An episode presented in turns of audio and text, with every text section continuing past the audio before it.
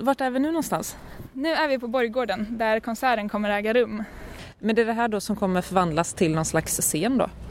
Ja precis, scenen kommer liksom vara precis mot Stadshuset till och så kommer det kunna finnas rum för publiken här och längre bak mot allén också. Eh, vi kommer även ha flera organisationer på plats som kommer dela ut flyers och informera om sin verksamhet som mm. jobbar med just de här frågorna, social mm. rättvisa och klimatet och mänskliga rättigheter. Eh, det är inte första gången som artister, konstnärer och aktivister går ihop för ett gemensamt mål. När konsten används för att driva en politisk fråga kan det kallas för artivism. Konst kan ju förmedla mycket, alltså i alla former.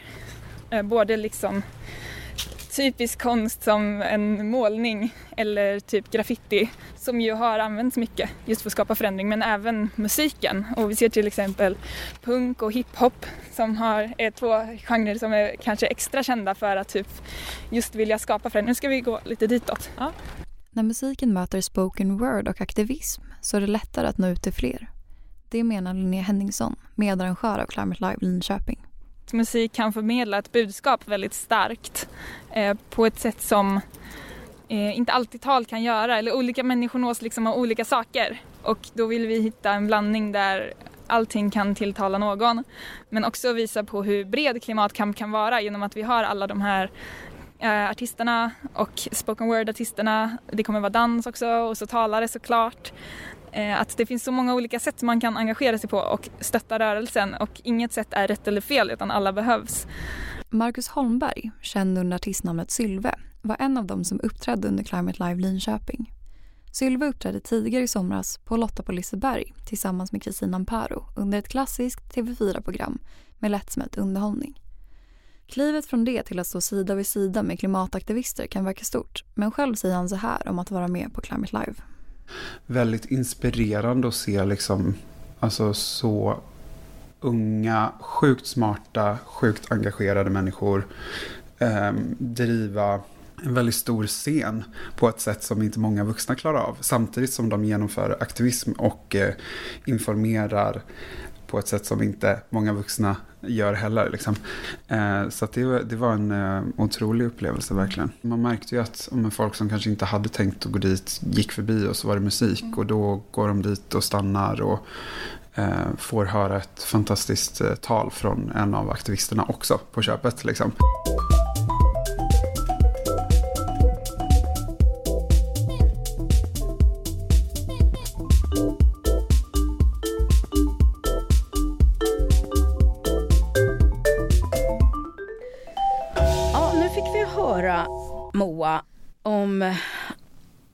Breda, det unga, det lockande och själva liksom mötet här. Eller som musiken kan skapa liksom i förhållande till de här klimatfrågorna. Det är det temat vi ska prata om i det här eh, avsnittet av Klimatgap. V vad kan konsten eller musiken spela för roll liksom för vårt förhållande till naturen eller till klimatet? Mm. Ja, och det vi hörde nu var ju då ett exempel på när man liksom blandar musik och klimataktivism. Mm. Eh, Climate Live eh, arrangerade på tre städer, i tre städer i Sverige, för, precis före riksdagsvalet egentligen. Mm. Eh, och blev liksom en del av stadsfestivaler i Malmö, Göteborg och Linköping. Så jag mm. var i Linköping innan deras eh, konsert och träffade en av arrangörerna där, mm. Linnea eh, som var så taggad och liksom förväntansfull mm. inför det här. Så engagemang verkar också vara någonting som, som, som kan liksom samlas och fångas och så vidare. Ja men absolut. Mm. Och väldigt intressant då hur man liksom eh, använder sig av musik och politik. Alltså det här är liksom inte mm. eh, det är inte konsert eller tal utan här är det verkligen både och. Mm. Så att artister eh, står sida vid sida med klimataktivister och det är Fridays for Future bland annat, då, alltså unga mm. människor som är liksom arrangörer på de här stora påkostade liksom, scenerna. Mm. Och du Moa, vi har ju med oss en gäst här. Ja. Och det är Jakob Korani. Och Jakob, du är eh, professor på Musikhögskolan och en mycket skicklig cellist.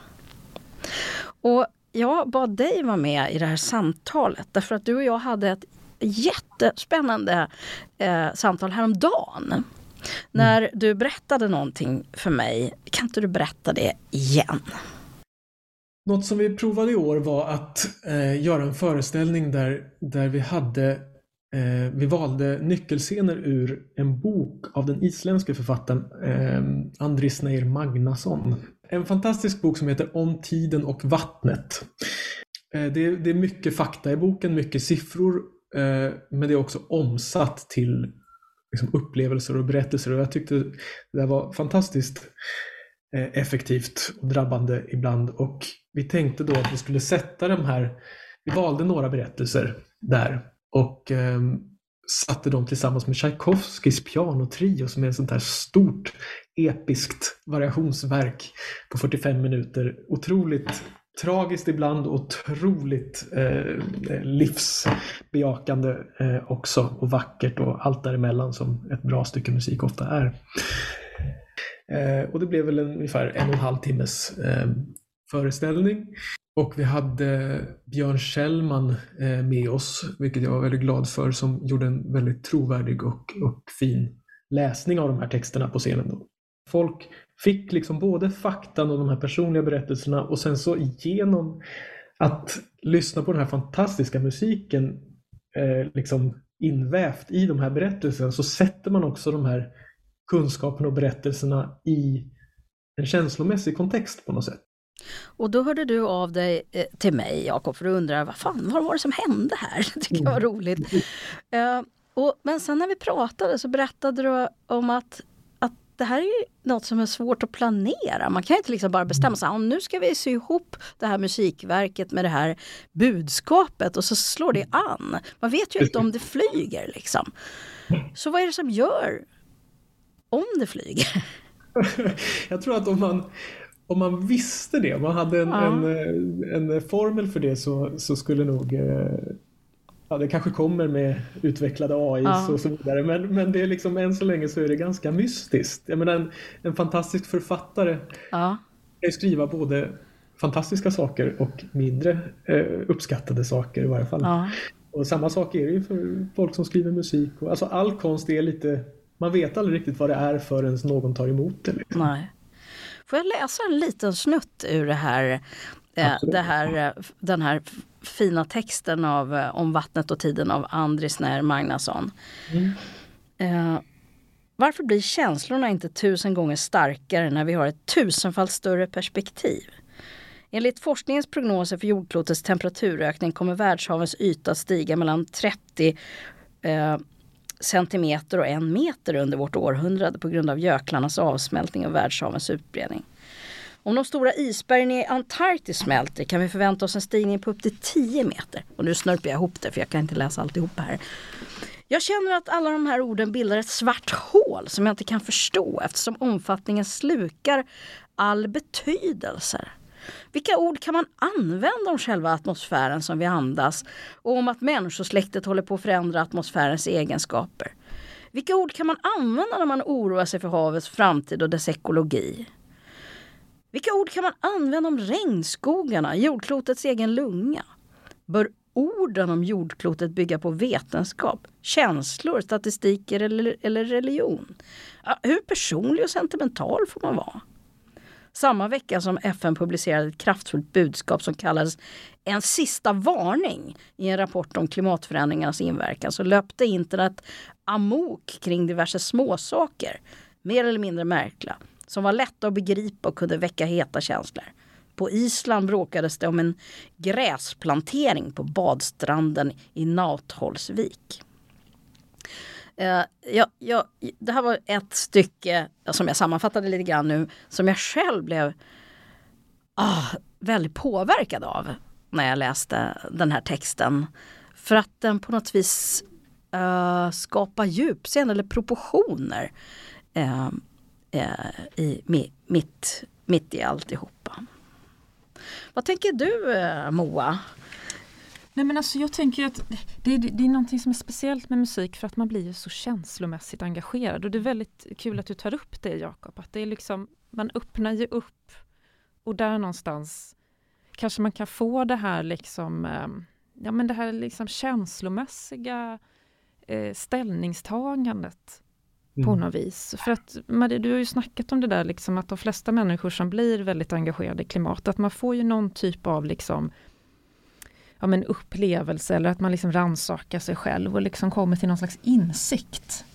Ja, jag, vill, jag vill prata faktiskt om detta med hur vi ofta håller isär kunskap och känslor. Jag tänker på eh, Naomi Oreskes som berättade om en incident på en konferens där en hel panel av geovetenskapliga forskare lyfte fram forskning som visar på klimatkrisens allvar.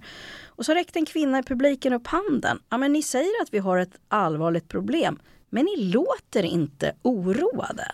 Vi forskare vi vill ju hela tiden vara rationella och vi, jag tror att vi ofta ser det som frånvaro av känslor. Det kanske är särskilt viktigt menar i alla fall Oreskes för eh, klimatforskare att vi ska uppträda så här affektfritt och absolut aldrig bli hysteriska. För i så fall så förlorar vi ju sakligheten och då går det, går det ju inte att lita på våra slutsatser. Men samtidigt så innebär det att man talar utan det känslomässiga tonfall som liksom förväntas av någon som är genuint orolig. Och här är någon sorts krock.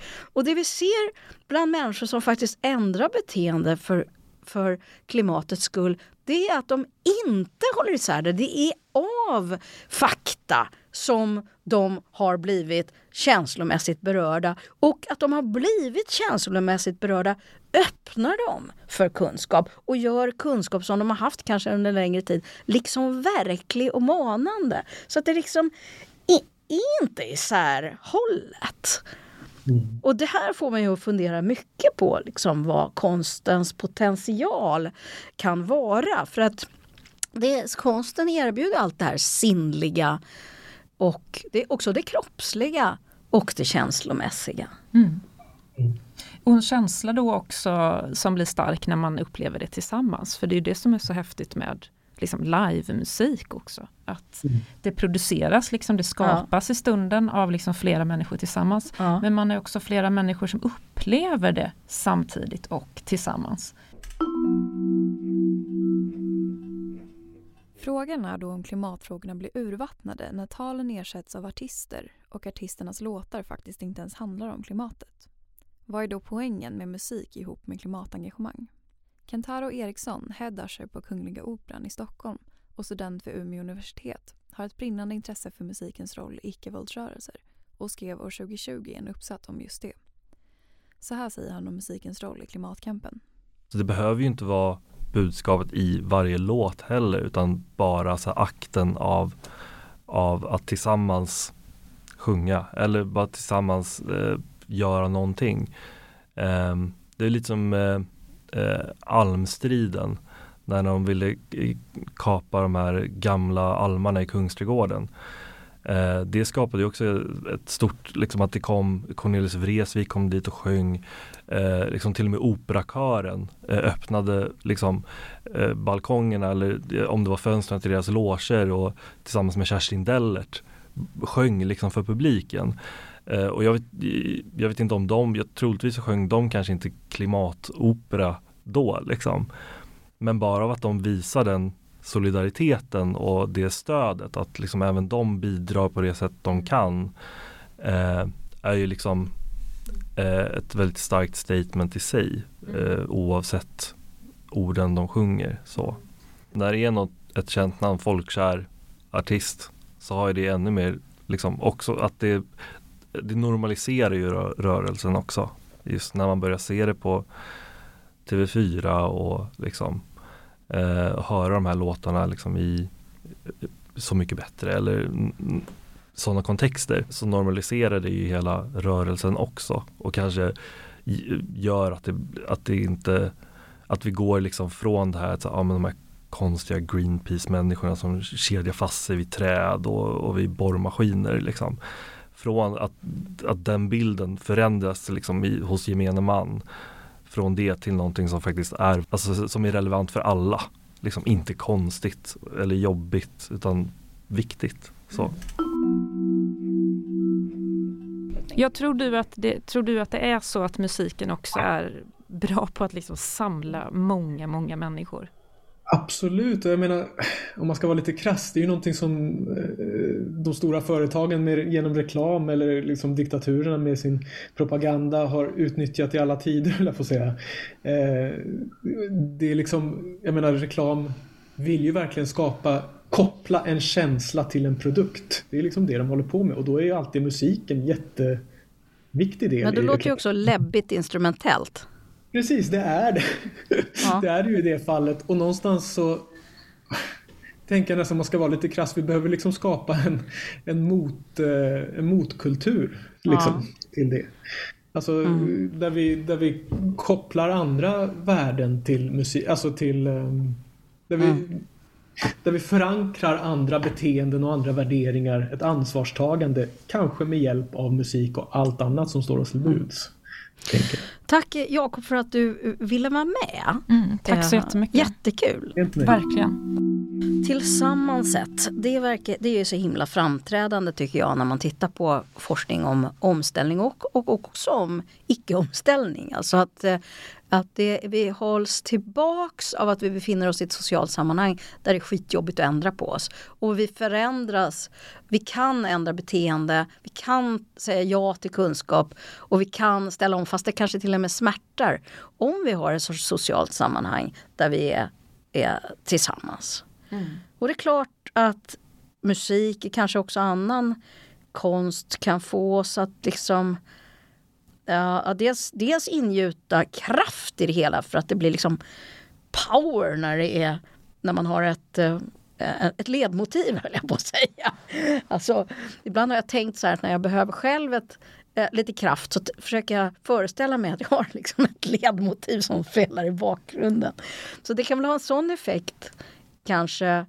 Men också en sorts, att det finns i musik kanske också liksom i mycket bildkonst och annat, någon sorts identifikation. Alltså att, att jag känner igen mig i dig.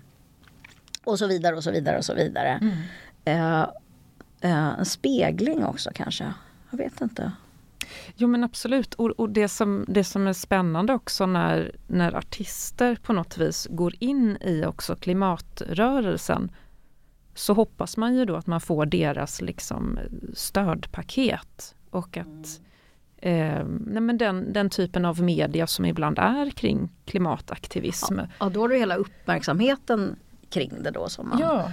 Också kan eh, tänka på. Nej men alltså att, att vanliga människor mm. måste liksom klistra fast sig i asfalten för att någon ska liksom lyssna. Alltså att, eh, men men en, en artist har ju redan en scen. Ja. Liksom. Så det är, ju, det är ju jättemäktigt när de som har skaffat sig den här scenen då helt plötsligt välja att säga, men jag kan också använda det till eh, något annat. Någon som säljer ut Sveriges största konsert har ju väldigt mycket makt att, att liksom ge plattform eh, åt ett budskap och åt eh, människor. Liksom, så att det är ju hans val. Alltså, men jag har förstått som att han har hållit sig ganska opolitisk genom hela sin karriär. Så jag tror att det här stod ut kanske i mångas ögon. Jag tyckte det var fantastiskt att han gjorde det. Det var liksom den största konserten i Sveriges historia och han väljer att ge eh, liksom en plattform till eh, till de här ungdomarna liksom, som lyfter sjukt viktiga frågor. Jag, alltså jag ser bara positiva saker i det. Men, men liksom, jag, jag tror att många tycker det är obekvämt att få saker uppkörda i ansiktet. Mm. Men ibland kan det väl få vara lite obekvämt då. Och nu pratar vi om eh, eh Håkan Hellströms konsert mm. eh, där eh, Greta Thunberg och några andra unga klimataktivister var med på scenen. Ja, och då alltså Ullevi i Göteborg är ju liksom 70 000 pers ungefär, får plats där. Eh, och så var det ju då några som var lite besvikna då. Så, ha, ska Håkan hålla på med politik? Men det, som vi hörde nyss då, artisten Marcus Sylve pratar ju också om att det är ju också en del av det som gör det så starkt. Att i och med att Håkan Hellström inte har varit liksom plakatpolitisk. Eh. Men först en, eh, bara en bitanke. Mm. Egentligen är det helt absurt. Det de här ungdomarna säger, lyssna på forskningen. När blev det plakatpolitik och säga att man ska bry sig om fakta. Det är ganska märkligt. Men om vi bortser från det så, så kan man kanske också konstatera att det är inte så lätt det här tror jag. Nej. Jag tror inte att eh, eh det självklart är någon, det är ingen självklar succé att, eh, och inget självändamål heller i att liksom så att säga blanda konst och klimat. Och att få det här som sagt att flyga tror jag inte heller är så himla lätt. Nej. Och jag vet inte vad receptet heller är för att liksom få det att och, och, och, och, och funka. Vad tror du? Ja, så, man kan ju såklart försöka lära av historien och då, då har man ju sett att nej, men det är klart att musik är en av de sakerna som kan spela en roll. Därför mm. att musiken är också fredlig. Mm. Alltså, ja, För att en, en, en, organisation eller liksom en lösare rörelse ska kunna förändra någonting i samhället måste det också finnas eh, liksom ett, ett, en slags garanti för att man inte måste liksom, begå brott eller utsättas för våld mm. eller så. Så det är väl den forskningen som, eller det man har tittat på, att liksom det, har, det är ändå lyckosamt. Mm. Eh, så att jag tänker liksom så, vad har funkat innan och kan vi också göra det? Men då tänker du ju på att, det, eh, att syftet till, till att göra såna här kombinationer av olika slag eh, av, av, av konst och, och klimatfrågor eh, är effekten, alltså att det har en sorts effekt. Men jag tänker också att det kan finnas andra syften. Och jag, jag lyssnade på, för inte så länge sedan faktiskt igen på eh, Magnus Carlsson i Weeping Willows, hans sommarprogram. Var det 2019 tror jag. Eh, och eh, där han berättar han tar faktiskt sitt sommarprogram till att intervjua en del klimatforskare. Men han har också skrivit en hel skiva, eller kanske ännu mer. After Us heter den, med jättefina låtar med te ett klimattema. Uh, och han, för honom verkar det egentligen inte kanske primärt så som man beskriver det var syftet, i alla fall inte med den där skivan, att liksom påverka andra. Ja, det kanske det var också, men han beskriver också i alla fall att det verkar vara ett behov av att uttrycka sig. Um, och uttrycka den, den här, de här upplevelserna som han själv, som är brännande för honom. Eh, men sen så tar han faktiskt också upp en annan sak. Eh, dels berättar han hur han själv har, har levt när det kanske var, inte var i sommarprogrammet utan i något annat sammanhang. Men han har levt eh, lyxkonsumerat och flugit jättemycket och frossat i allt när han har haft tillfälle. Men, men det har han ändrat på nu. Eh, men, men säger han att han vill visa att även överviktiga män med högt kolesterolvärde över 50 kan förändra sig. Mm.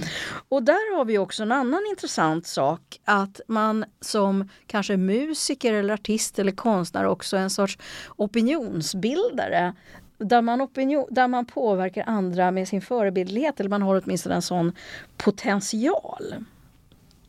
Jo, sen är det också att, att sätta ord på känslor och ja. tankar som kan bli eh, liksom något som man helt plötsligt förstår och kan ta till sig när det är musik. Alltså forskningsrapporter är ju väldigt viktiga men det, mm. för, för många människor är de svåra att läsa. Ja. Eh, och då måste det kanske inte bara vara liksom korta artiklar, nyhetsartiklar utan att det ja. också är någon som, som greppar andra aspekter också. Mm. Eh, och att jag, jag, tycker faktiskt att eh, eh klimataktivister och och eh, liksom, om man är orolig för hur det ska gå. Vi måste ju också få konst och kultur som vi kan känna igen oss i. Men hörde du, det var intressant att du sa för att jag läste nyss eh, eh författaren Amitav Ghosh som har skrivit en bok som har blivit väldigt uppmärksammad som är en skönlitterär bok eh, Uh, som uh, Är människan galen? Uh, Are we deranged? tror jag den heter. Nej, men i vilket fall så säger han att det sakna att det här är ett tomt fält i litteraturen. Därför att det är som att eh, de här klimatfrågorna eller eh, eh, eh de stora hoten, samhällshoten, det har liksom förvisats till fantasygenren. Och det, de eh, romaner som har fått tagit plats liksom i vår samtid, de handlar ofta om relationer och så här, sociala dimensioner och psykologiska eh, dimensioner. Eh, eh och och, och, men, men och så, här, så nämner han också liksom de, eh, forntidens litteratur och de, de stora eposen. Där fanns de här verkligt existentiella och dramatiska eh, situationerna och hoten med och närvarande. Har du något exempel? Ja, men ta Iliaden och Odysseen då till exempel. Och, eh, och det här skulle ju då tala för att vi kanske skulle behöva också en litteratur där, eh, där de här frågorna eh, får ta plats utan att det är fantasy liksom. Mm. Eh, med allt vad det eh, innebär. Jag tänker förresten själv nu när, jag, när vi sitter och pratar, tänker jag på en, en av de böcker som faktiskt verkligen eh, grep tag i mig mest när det gäller oh, kanske inte så mycket klimatfrågor som det här med biologisk mångfald, det var bina historia. Har du läst den Moa? Nej, det, är en otroligt fin bok eh, som jag inte ens kommer ihåg vad författaren heter nu. Det är norska tror jag. Som, eh, ja, det är tre parallella berättelser som handlar om bin, bi, uh, bina som dör och vad som händer då. Liksom. Mm. Uh, den första berättelsen är, handlar om när man började skapa bikupor och, och i liksom historisk tid. Och den andra handlar om vår nutid. Eh, och den tredje handlar om vår framtid när eh, ja, Maja Lunde heter hon. Ja, just det. Jo, nej, det handlar om vår, en framtid när man spelar sig i Kina där man måste pollinera, det är faktiskt redan så på vissa ställen, man måste pollinera alla träd för hand och, vad, mm. och, och vad det innebär för vår matförsörjning och så vidare. Och det här är en roman som är djupt gripande. De här tre berättelserna hänger också ihop på ett intrikat sätt. Men det här kanske kan bli ett litet, mm. ett litet uh, upprop att uh, du som lyssnar, känner du en författare? Önska. Jag tror att det finns redan. Jag tror att det finns mycket mer än vad vi vet. Ja men det gör det ju vet. alltid. Ja. Det gör det ju alltid. Men ja. det betyder inte att man, att man inte vill ha ännu mer och framförallt så kanske man också vill att, att det är det här som ska uppmärksammas. Det går säkert att ja. utforska den genren ännu mer. Men det är svårt att tävla i, mot liksom eviga teman som livet, döden och kärlek. Ja givetvis. det är det förstås. Mm. Men, men livet, döden och kärlek, eh, jag tänker att det är också drivkrafterna för att vara för ett starkt klimatengagemang. Mm.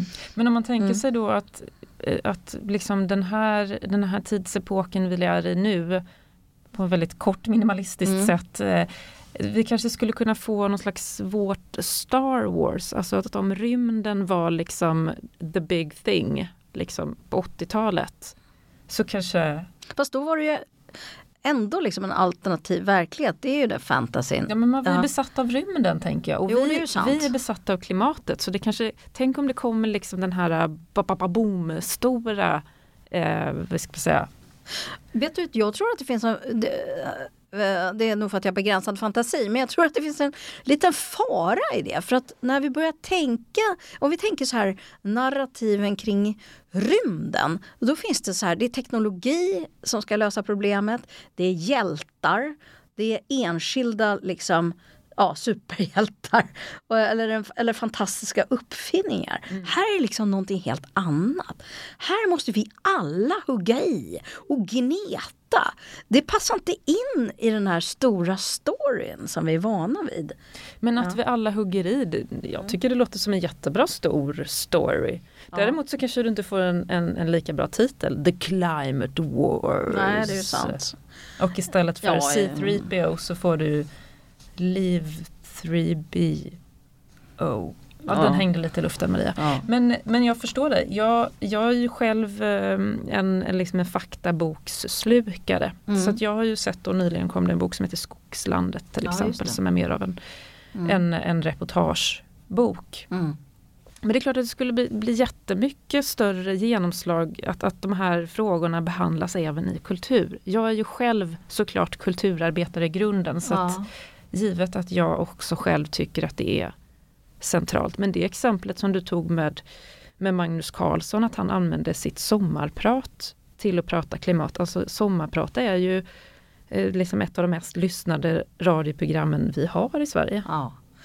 Ja, och det kanske inte alls behöver nödvändigtvis alltid ske genom konsten utan jag, jag tänker på det här uppropet som kom Eh, efter forskaruppropet i, i somras så där, där nästan 2000 forskare krävde en mer kraftfull klimatpolitik och linje med, med klimatvetenskapen. Så kom ett upprop där eh, ett drygt hundratal artister Mm. Uh, underströk att de också höll med och då kan man ju tänka sig, ja, men vad har de med klimatet att göra? Men det är ju ändå så att vi hela tiden blir påverkade av en massa artister eller influencers eh, extensiva och rika livsstilar eh, åt, åt det ena hållet. Så, eh, så det är klart att det, det är väl fint eh, och, och, och, om, om man kan höra de som tycker att, eh, att det är viktigt att och faktiskt eh, kanske ha en mer återhållsam återhållsamma utsläpp, det är väl jättebra. Men det här visar också på någonting som är knepigt för att så fort man börjar då som artist eller som egentligen vem som helst som engagerar sig i klimatfrågan eh, om man börjar driva den linjen så måste man ju också leva som man lär. För gör man inte det så kommer man få skit. Mm. Men Håkan mm. Hellström mm. sjunger ju på svenska mm. så jag mm. tänker han har ju all möjlighet att leva som han lär. Han behöver ju inte åka runt och turnera till USA. Ja, just det. De fattar ju inte, känn ingen sorg för mig. skiter ju de i. Jo det är sant. Men jag tänker att det kan också vara Och det är det vi ska, ja. det är det vi ska liksom, jag menar nu har vi intervjuat till exempel Marcus Sylve mm. i, i klimatgap. Så nu vet ju han att vi har koll på honom. Ja, det är sant. Så är det. det är och eh, mm. jag fick också höra eh, att eh, alla artister som var med i Climate Live de blev ju liksom lite researchade innan och så. så att eh, du, det var en intressant tanke. Det var inte tanke. vem som helst som fick liksom komma med och uppträda. Det utan... kanske också är så att har man väl uppträtt där, då är man uppbunden på mm. ett sätt. Då kan man inte bete sig heller Exakt. hur som helst. Exakt, jättesmart. Jag, ja. jag blev väldigt imponerad av, av liksom deras initiativ. Sen såklart så, så, så bygger ju det på, liksom, här är det ju flera kulturfestivaler då som har gått in och stöttat det här mm. initiativet. Mm. Så att det bygger ju också, jag menar det är klart man kan sjunga när som helst men det är klart att det är ju skönt att kunna få eh, liksom kulturlivet bakom sig på mm. något vis. Mm. Så det hoppas jag att, att det fortsätter med. Andris När Magnusson som jag eh, som eh, Jakob berättade om hans eh, om tiden och vattnet och jag läste bara upp en liten snutt ur det. Han gjorde en annan otroligt häftig grej som också på, berörde mig väldigt när jag hörde om det. Nämligen eh, jag tror att det var han som tog initiativet till en sorgeceremoni och en sorts symbolisk eh, begravning av en gökel på Island. Eh, och gökel eh, heter den, som helt enkelt har smält bort. Och bredvid den göken så, så står det en eh, sten där det är en plakett på, eller vad man ska kalla det. Där det står så här, det har Andri Snär Magnusson skrivit. Och Jökull är den första isländska jöken som förlorar sin status som glaciär. Inom de närmsta 200 åren förväntas alla våra andra jöklar följa efter. Det här monumentet är för att erkänna att vi är medvetna om vad som händer och vad som måste göras. Bara du vet om vi gjorde det. Eh, det är poeten Andris När Magnusson som formulerade det. Och jag tänker att, och det här ledde till väldigt mycket uppmärksamhet. Och jag tror att det också ledde till att eh, mycket sorg, alltså, alltså ett tillfälle också att dela sorg. Och eh, även det tror jag faktiskt, det är ingen kul avslutning av ett sånt här avsnitt. Jag tycker det är en perfekt ja. avslutning. Absolut. Men kanske det kan vi också få både så både i musiken och konsten och litteraturen. Att vi liksom får ett, ett tillfälle att vara i de befogade sinnestillstånden som vi kanske varken hinner med eller vågar gå in i i vår vardag. Mm. Tack för idag Maria. Ja men tack Moa. Mm. Du har hört Klimatgap. Reporter Josselin Hultman, producent Moa Svan, i studion Maria Wollrath Söderberg.